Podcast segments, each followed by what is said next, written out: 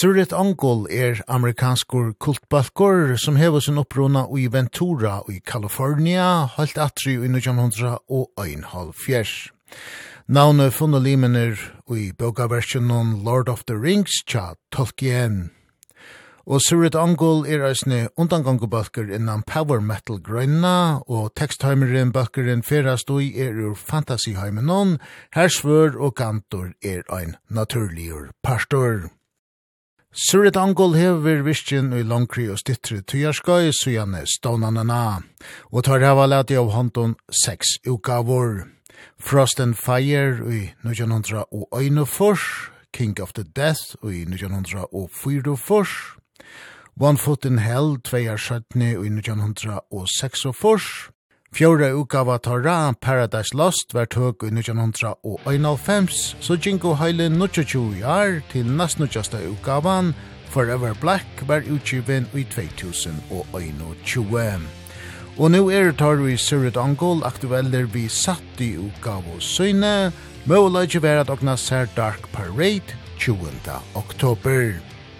Og i hesson samband i her, vi finner jo åri av øynasta opprunnalig menn, tromoslovaren Robert Garvin.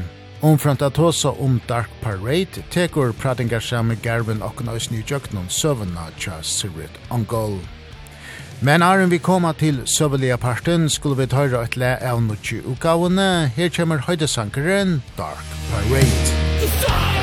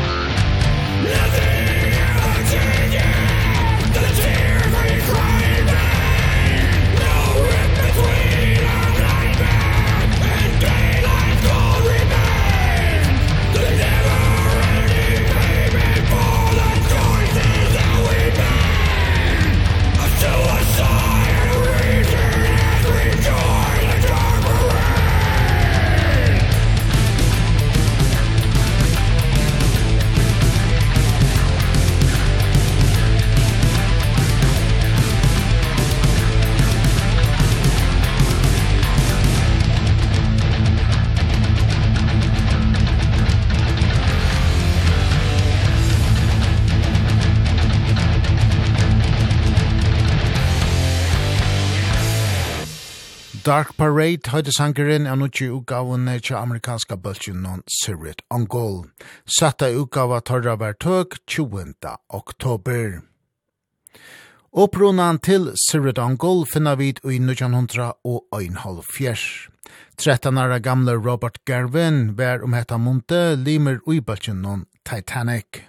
We started like around 1971, 1972. We were in like uh, seventh grade so we were like around 13 or so and uh, me and Greg and Jerry who were the original members we were members of another band called Titanic and that had another, another guy in the band Pat Galligan who was uh he played uh guitar in like a punk band Angry Samoans. This was kind of a, a funny story. His family was kind of like the Partridge family. They were kind of like a singing family group like a folk group and they they played folk music and and it was uh Tad his sister and his mom and his dad. And but when we got together this was kind of like the height of the Beatles thing you know like the end of 1969 uh, 70 you know and he was a big Beatles fan. So we we kind of got together with him and started this band. But all he wanted to do was play like Beatles songs you know. I think the first song we played was Get Back or something like that. And um me Jerry and Greg really wanted to play something heavier and Greg was always turning me on to music. And you know, right about this time, especially here in Southern California, bands like uh The Doors or Iron Butterfly, you know, Jimi Hendrix played here in my hometown. These guys were all playing around us and we were too young to go to the shows, but you know, this the music was around us, it was on the radio, we were listening to it.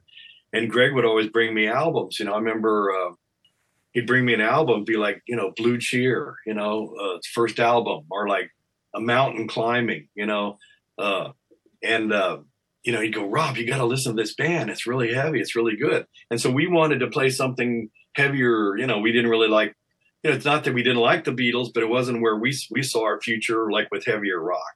And so that's so we split away uh we you know greg said it was passive aggressive i'm not sure that's the right word but instead of firing him from the band we all quit and started sirathungal now it was kind of you know we were young kids right so his parents came over and contacted my parents and say this is really unfair you're throwing you know our son out of your band or whatever you know and i think that that's that's what we wanted to do and and that's kind of how we we got started Og ta vær i skolan hon at Awen fire fantasy bokmenton byrstis tja Robert Garvin og hinon og i Surit Angol.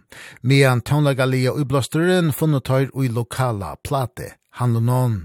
Greg and I were in um, school and right across the street was a record store and we were over there looking through records and we're flipping through there and we'd always look at the album covers and see what they looked like. Uh I remember he pulls out Black Sabbath's first album and he goes, "Hey, look at this." He goes, "I wonder if these guys are any good." So I mean, that's how old I am. I mean, I saw Black Sabbath's first album when no one had ever heard of, you know, which was amazing. So anyway, so uh, in this class we were at in the morning it was an advanced English class and they assigned us to read The Lord of the Rings, you know, which is a giant, you know, back then there were paperback books, but each book was like 600 pages and this was before the Peter Jackson Lord Lord of the Rings movies or was a big cultural icon like in our society.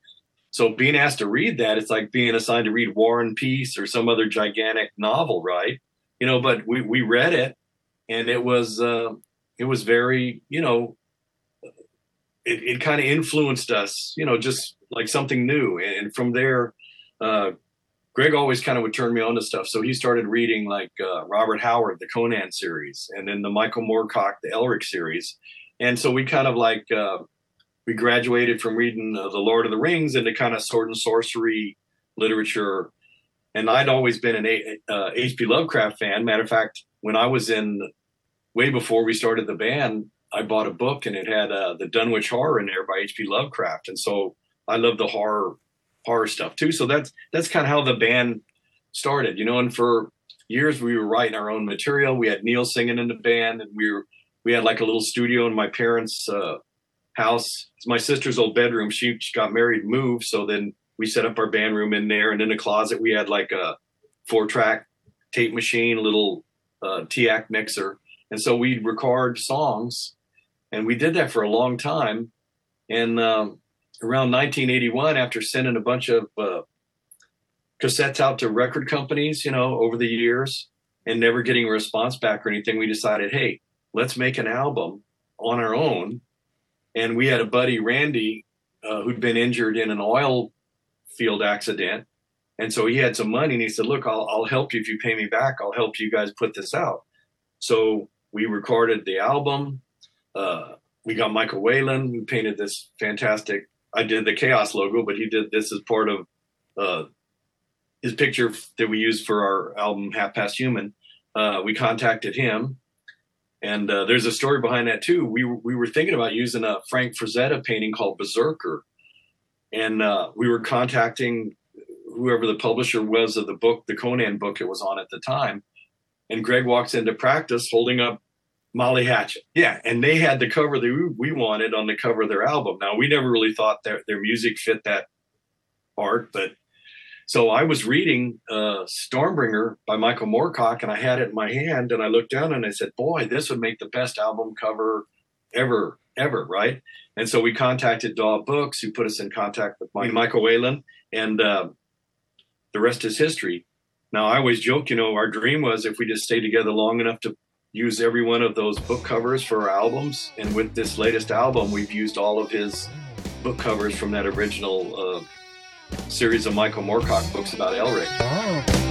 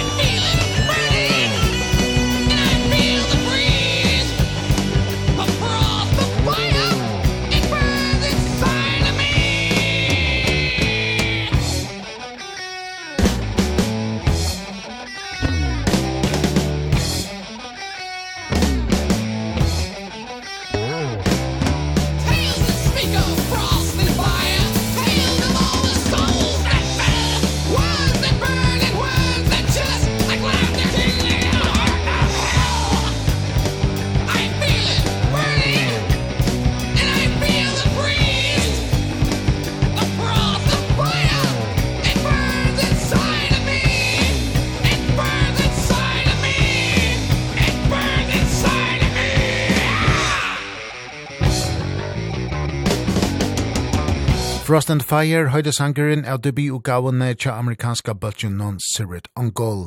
En utgave som er sendt av marsneien i oktober i 1900 og øyn og furs. Bøkeren stod sjolvor fyri i utgavene, men kjøtt kom og tørre samband med person som kunne utbrøya LP-na kring Atlan Høymen. Personeren var Brian Slakel, som om hetta munte var i fer via stående platefella sutt Metal Blade Records. Robert Garvin held fram við søvnene tja Sirit Angol. Our first album, Frost and Fire, when that album came out, we already had songs like Death of the Sun, Atom Smasher, Finger of Scorn. Uh, those songs the band had already written. The reason all the songs that are on Frost and Fire are there is because we were trying to get a record contract. And back then, they wanted to play stuff on the radio. So what we did is we took all the songs that we thought had a chance to play on the radio at the time and they actually played it on a local station in Los Angeles and the guy said the next day he goes we can't play this stuff. It's too heavy. Or at the time they were still playing they must have been playing Black Sabbath stuff. So I mean we were trying to figure out what that was and I don't think we were too heavy. We were just too different. The stuff we were doing was so different than the stuff everyone else was doing. And so anyway that that's why that album stands a little bit uh aside it doesn't mean it wasn't a band but it was one it was more of our music that we thought would be accessible to the average listener. You know we put this album out you know and we were trying to get we were going to send that out to record companies and and try to sell it locally just to see if we could get some sort of uh uh our foot in the door. And that never ever happened to be honest. But we did uh Brian Slagle who runs our record company uh, or he's I think he's partially retired now, but he still he was he started uh, Metal Blade Records. He was a good friend of ours and he was working at a record store uh in the valley. It's kind of a place right outside of Los Angeles. And we we we were taking our album around saying, "Hey, can you guys, you know, sell this in your store? You know, we'll give you one if you you buy another one or something." And and he goes, "Well, look, there's a company that I've been doing business with called Green World." and they're like a big import export company to Europe so you might want to contact them. And so we did and they end up licensing the record. They bought all the ones that we'd made and sold them and then they started importing uh the records to Europe and that's how kind of our record uh landed over there. And so that's kind of how that that's kind of like a brief summary of how the band kind of started. I should.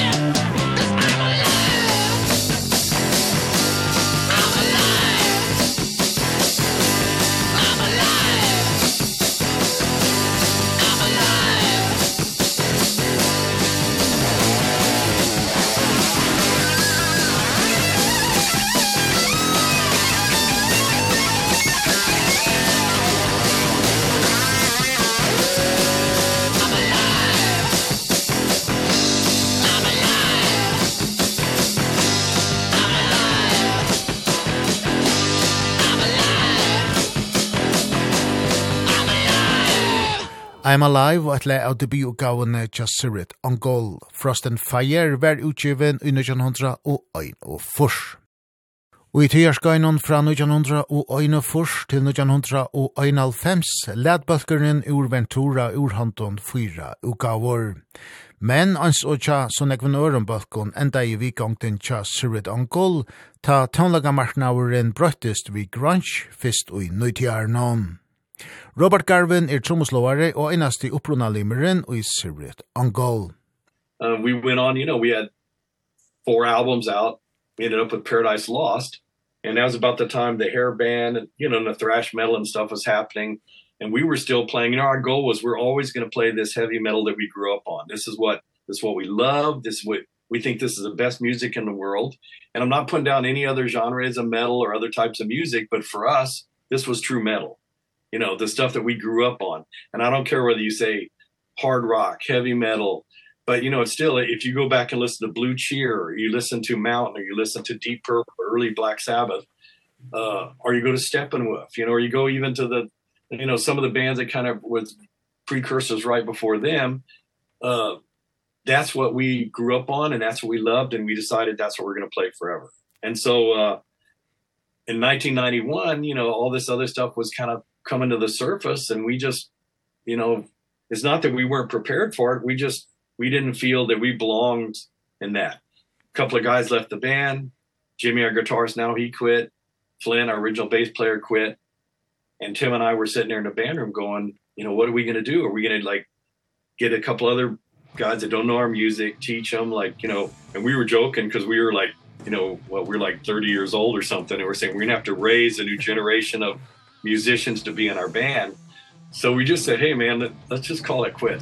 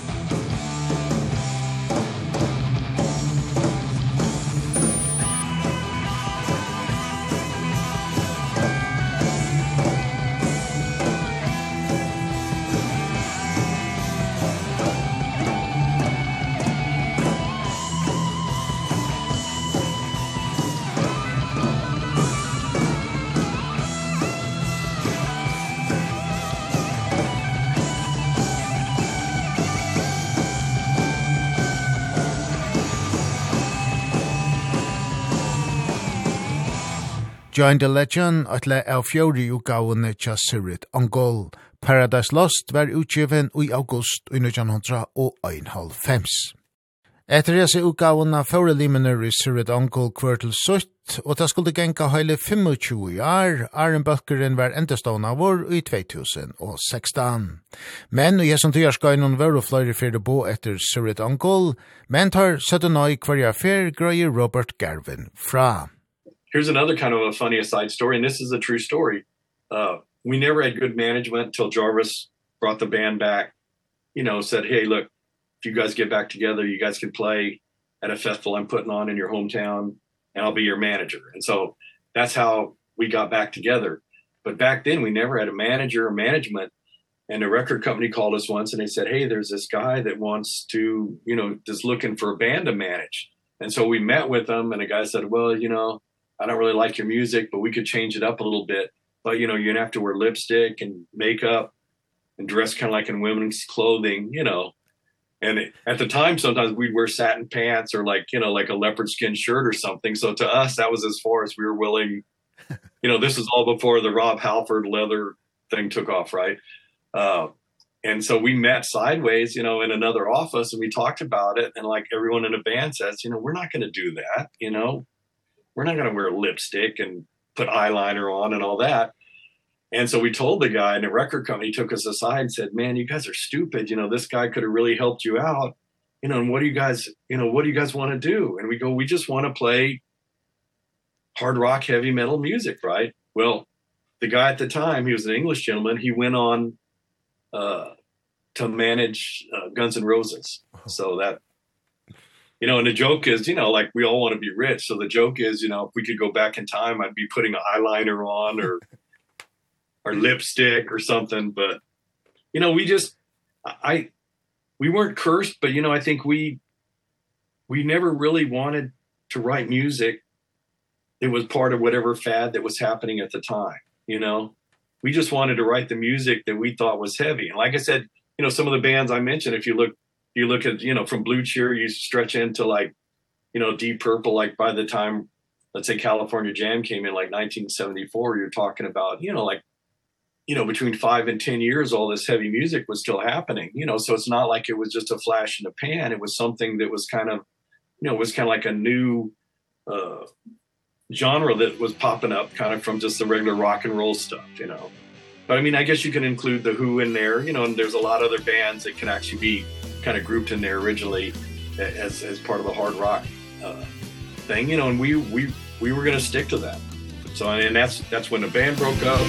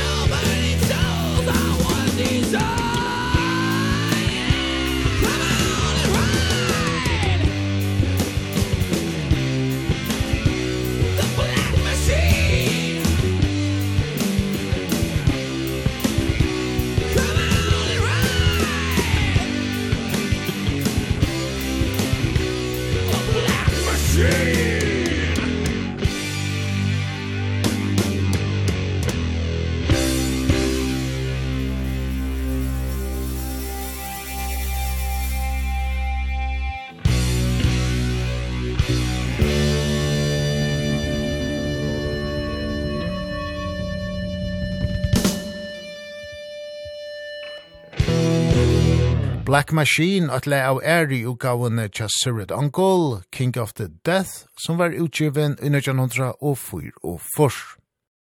Etter 25 år i dvela hittus limener i Sirit Uncle i 2016 og i samband med Frost and Fire festivalen i heimbynon Ventura. Bøkeren fyrtå ikkje av paddl, men tar hittu fjepparar og skriva av autografar.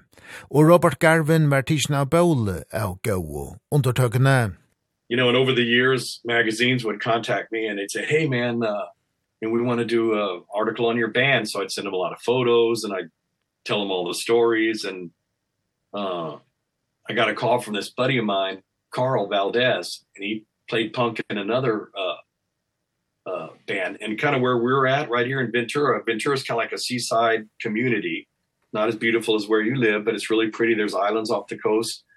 It's a little bit warmer and drier but it's kind of like a surf town and kind of like a country western cowboy town. You know the town was founded kind of like has a lot of oil you know oil there's oil rigs off the coast and stuff. So it's not really a not really a rock town. But Oxnard the town right next to us is where a lot of punk music kind of originated. And uh they have like punk festivals over there. And this this band ill repute the drummer I worked with at my day job and he goes hey man i have a friend that wants to contact you uh, jarvis who plays in a band night demon you know? And i said why well, i don't why I don't want to talk to anyone about the band you know? Cuz we were kind of I think we were I don't want to say bitter but I I think we felt like we were kind of misused by some of the record deals that we made and you know the band never got any real support or anything. Uh so um I met with him and he said hey look I want to you should get your band back together. And I go, no, we're never going to do that. And he goes, well, look, he goes, I'm going to put on a festival here in our hometown, Ventura, called Frost and Fire, named after our first album. He goes, I want you guys to come and do a signing session. So, um, we got most of the band members together. Jerry had passed away, uh, from drinking, which was kind of horrible, but all the other band members kind of showed up and we sat there for hours signing albums and people brought they printed up you know pictures of the band themselves or they got some of our other memorabilia. And we were just so impressed with that. You know Jarvis goes hey look if you guys get back together I'll do this again next year and you guys can headline. And then uh gentleman from Germany Oliver who puts on the Keep It True festival he'd been writing me for 10 years going hey you should get the band back together. And I'd say no. And he goes come on. He goes I'll fly you over here to come to my festival and you can check it out. We're like no. Uh I got a call. I had the same phone number which on the album. I just recently turned it off, which is kind of funny, but I would get calls in the middle of the night when the band was broke up. And I remember these ones from Greece and this guy goes uh you know, come to Greece. You know, come to Greece, come to like our festival or something like this and and sometimes I get on the phone and talk to him and other times they just leave a long message. Anyway, this one guy goes he goes you know come to Greece we'll pay your way over here. You know and I'm thinking well we don't even have a band. Why would we go over there? You know, we're not playing right? And then he goes we will put you in hospital. And I think what he meant was we will show you hospitality yeah. but I mean it didn't translate very well. And then I remember one thing and I might still have it recorded because I used to keep the little it was on a little cassette mini cassette. Uh, he goes you can sleep with our wives. Take away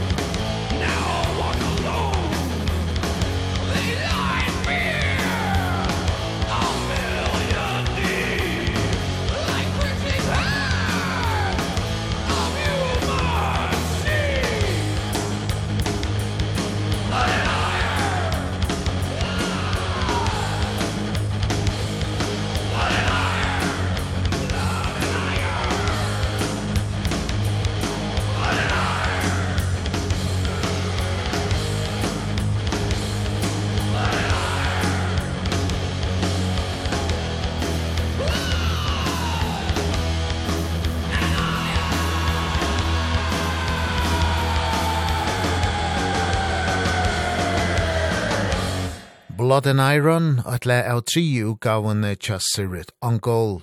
One Foot in Hell var utgiven i 1906 og furs. Møtøkan av Frost and Fire Festival non var så mykje gau at limener ui Sirit Angol avgjørdo at gjerra enn anna rønt og fyrru ui opptøkihølle og urslite 5. utgava Torra Forever Black var tøk 24. april i 2020. Kanskje ikkje besta timingen tog koronafarsetten bryr i at herja om hetta munte. Robert Garvin er trommeslåare i Sirit Angol. The band never really wanted to do this, but when we saw the festival that Jarvis put on and bands came from all over the world and people came from all over the world and we were we were thinking hey if we're ever going to do this before we get too old and die let's let's get back together and play one or two shows. And that one or two shows marked into a couple of more shows and then um we did the song witch's Game for a movie that never came out but they're still working on a movie. That's good news. I just talked to them the other day. Uh The Planet of Doom. And you can go on Instagram.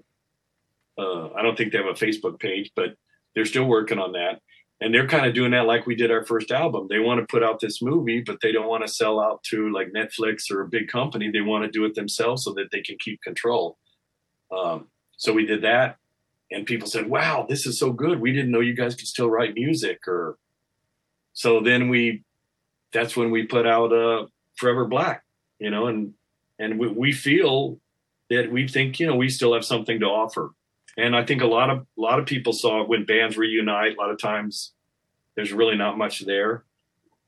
And I think what happened to us I think so much time went by you know we got to recharge kind of like our our you know our, our it's like recharging your battery you know or or getting a new fill up full of gasoline or whatever. And I think that that all that time that we spent not playing kind of gave us like a an, another like an uh, like a headwind or something the pandemic's really messed us up, you know, because we our our last album came out, you know, Forever Black right as a pandemic hit, like almost on the exact day. I mean, literally, you know, I forgot what it was like, you know, April 20th, March 20th or something in 2020. And that was the day of our album release and and like that same day was like the same day of the the world global shutdown, you know, and like I remember like me and my wife we walked around the streets near our house which you know it's not a giant city but it's always busy you know and like it was one of those uh science fiction movies in the future. There was no one you know no cars no people and it was just really kind of uh so anyway that kind of happened and i guess people were home so they can listen to more music but it it did uh, stop us from going out and support the album. You know playing shows. We don't play as many you know everyone always asks us so uh, you know when's our next tour but the band's never traditionally toured because we have a couple of band members that work full-time jobs. Um we never read a point where we were successfully supporting ourselves with the music you know i mean uh i think like most bands now except you go to the top handful you know we're all breaking even you know none of us are getting rich doing this. And that's another reason why uh you know, I think that we're really proud of what we do because we're not doing this, you know, to be rich, you know, or famous. We're doing it just to create heavy metal music. Hello.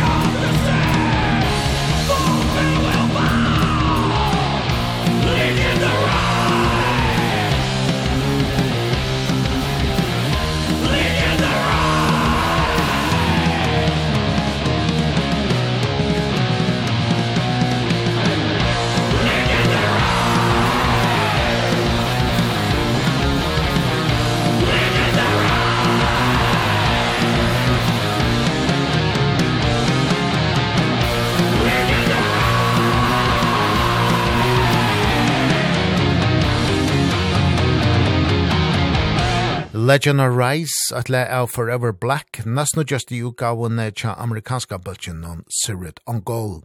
Femta utgava torra vær utgiven i 2020. Nå tvei er skjøttene er tar i Sirit on Goal aktueller vi satt i utgave søgne. Dark Parade hver utgiven 20. oktober. Vi tar seg i kveld vi Robert Garvin, einasta av opprunna limenon og just Sirit on Goal. And if if we come to the new album, um, how is is the writing process? Are you sitting together or are you sending ideas between you? Yeah, you know, we we've kind of always done this same together, you know. And in my written interviews, I I type up something that's kind of like uh, you know, very like over the top like, you know, we forge our songs like a you know, an ancient battles metalsmith would forge, you know, like a sword, you know, like, you know, using the correct amount of alloys, hammering it into shape, you know, you know, everything to make sure that it's like this like you know massive you know strong battle sword to take into battle or whatever. But we've kind of always done this the same way. We did it at my parents uh, house. Uh, we'll record a demo. You know we'll work on the songs. We'll come you know come up with the riffs. Usually our guitarist or someone will come up with riffs. You know we'll all hammer it into shape. We argue about it for days. You know we've argued that's another thing. A lot of big bands, I'm not mentioning any names, but there's a lot of famous bands. And once in a while I hear their riffs and they sound like the riff wasn't finished right or it didn't sound correct. But especially on this new album, there's some amazing riffs. And like, we'll be sitting, we'll sit there for like days and like, you know, that one note isn't right, you know, and Tim and I aren't musicians, you know, we don't play any instruments. You know, I play the drums, but I'm not a musician uh, per se. And, uh, but we kind of know what we want you know so we'll say hey that one note doesn't seem right you know and then we'll argue and maybe someone will come up with the other note and we'll say well you know they they go well I don't like that and say well well let's record it and see what it sounds like you know they will argue some more on it. So anyway so we finally like hammer in uh, to shape kind of like you know the rough part of the song. And then in the past like uh I've written a couple of lyrics. I did legions Arise you know I wrote Death of the Sun you know I wrote the song King of the Dead, the lyrics for that. Uh, but Tim's been on a roll kind of writing lyrics. And so he's been knocking out a bunch of lyrics. So we'll throw some lyrics to it and we'll record a demo. And then we'll send up to record two or three versions of that. Uh, like we call it V1, V2, V3, what have you.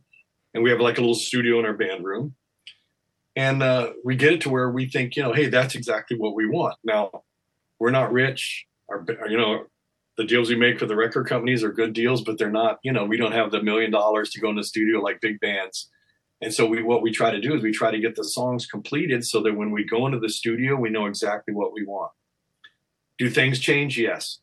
Uh and Jar Jarvis has a saying like that too. He goes you know everything changes the second you walk into the studio or something similar to that.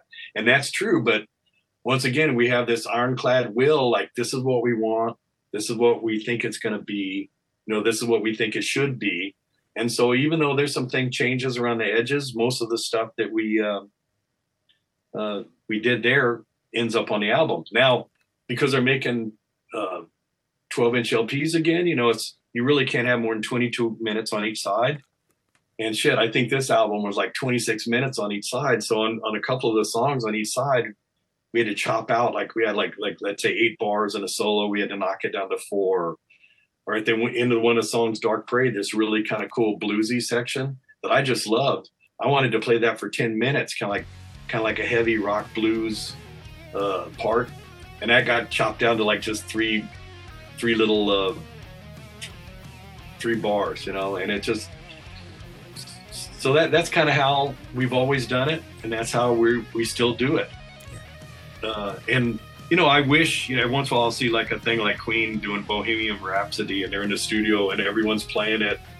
And I'm not sure if they're really recording it like that, but it, the the videos look like they're playing exact word for word, you know, note for note.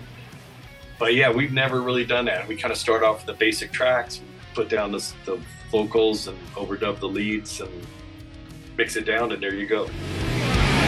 Drink your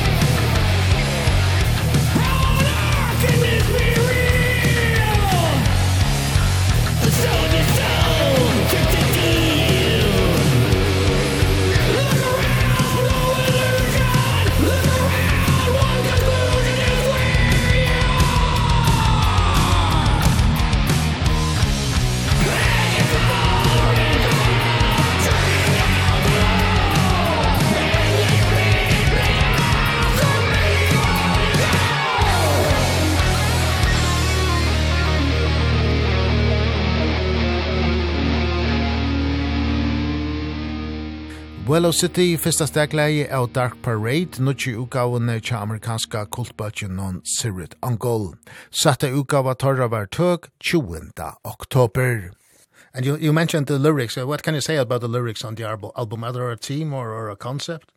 Yes and no. The band's always had a dual personality. We had the sword and sorcery, like uh, Frost and Fire, songs like that, Frost Monstream, uh, Forever Black.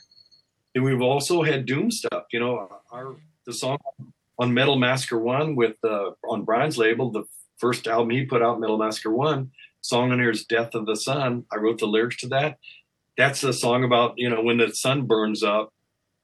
You know, and we were a lot younger, so it's like not very sophisticated, but you know, the sun's going to burn out at some point, and when it did, it's going to melt all of us, you know, melt our faces off or something. Uh so all along we've had songs like that, you know, Doom Planet, uh War Eternal, you know, throughout a lot of our albums we've had some pretty uh, uh dark music.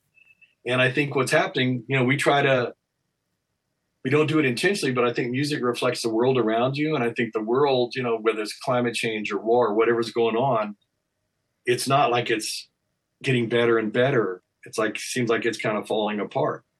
And if you look at our last three studio albums paradise lost forever black dark parade side 2 of all the albums is kind of like a vision of Tim's view of the fall of mankind. And that's kind of that's basically and then on side 1, you know, like let's say on uh on this new album, uh, we have uh, Sailors on the Sea of Fate, which is kind of like uh to me it was kind of like a thing like on a a Roman slave ship where the guys pounding uh the thing like that. Um sacrifice you know we were we were talking about writing a song about like some kind of aztec or mayan sacrifice you know where they drag the person up to the top of the pyramid you know they cut your cut his heart out you know they hold it up like ah! Uh, so i mean that so side one has kind of been traditionally reserved for at least on the last three albums songs that either have a sword and sorcery or like a different theme. And side 2 is kind of just all end of the world stuff.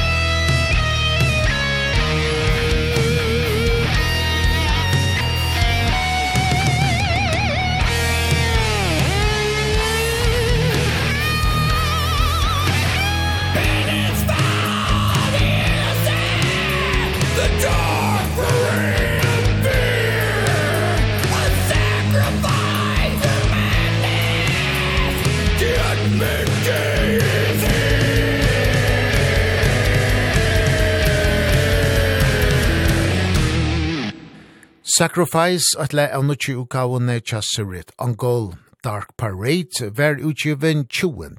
oktober. Ta vi spyrja trommeslåaren Robert Garvin om han ser ein avisan moon a er satt i ukavone Chasserit Angol og tøymen undanfæren og heldur han at hon er ein menning av tui tar fyrhava utgiven. Yeah, but it, it's a progression, you know, I mean, obviously, uh, you know, Jerry was a different guitarist than Jimmy, but Jimmy has like a lot of talent, you know, and his his talent I think is also main is coming up with like not only good riffs, but he comes up with the what I call a signature riff. And there's some really good uh, parts whether it's on uh, Relentless. It's kind of like an Egyptian uh kind of like a Middle Eastern uh signature riff at the beginning uh or on Sailors on the Sea of Fate, you know, and all throughout the album there's some of these like little tidbits of things that he's came up with you know from album to album there's been an evolution but I still feel that the evolution is going from you know darkness to darker you know to dark parade.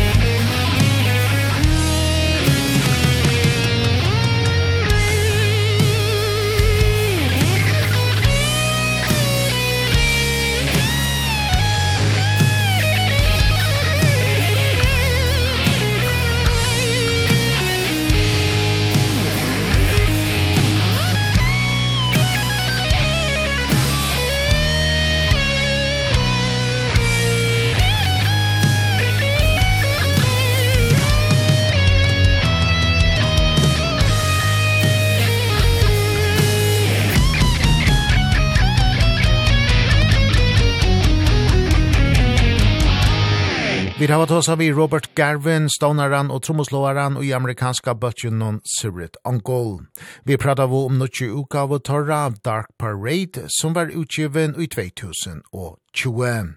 Garvin tåg okken oss nyjøkne søvna tja bøtjunnen ur Ventura fra 1900 og 1904 og fram til ui det. Vi spalte oss flore lø av Dark Parade, som er satta uka av tja Sirit Angol.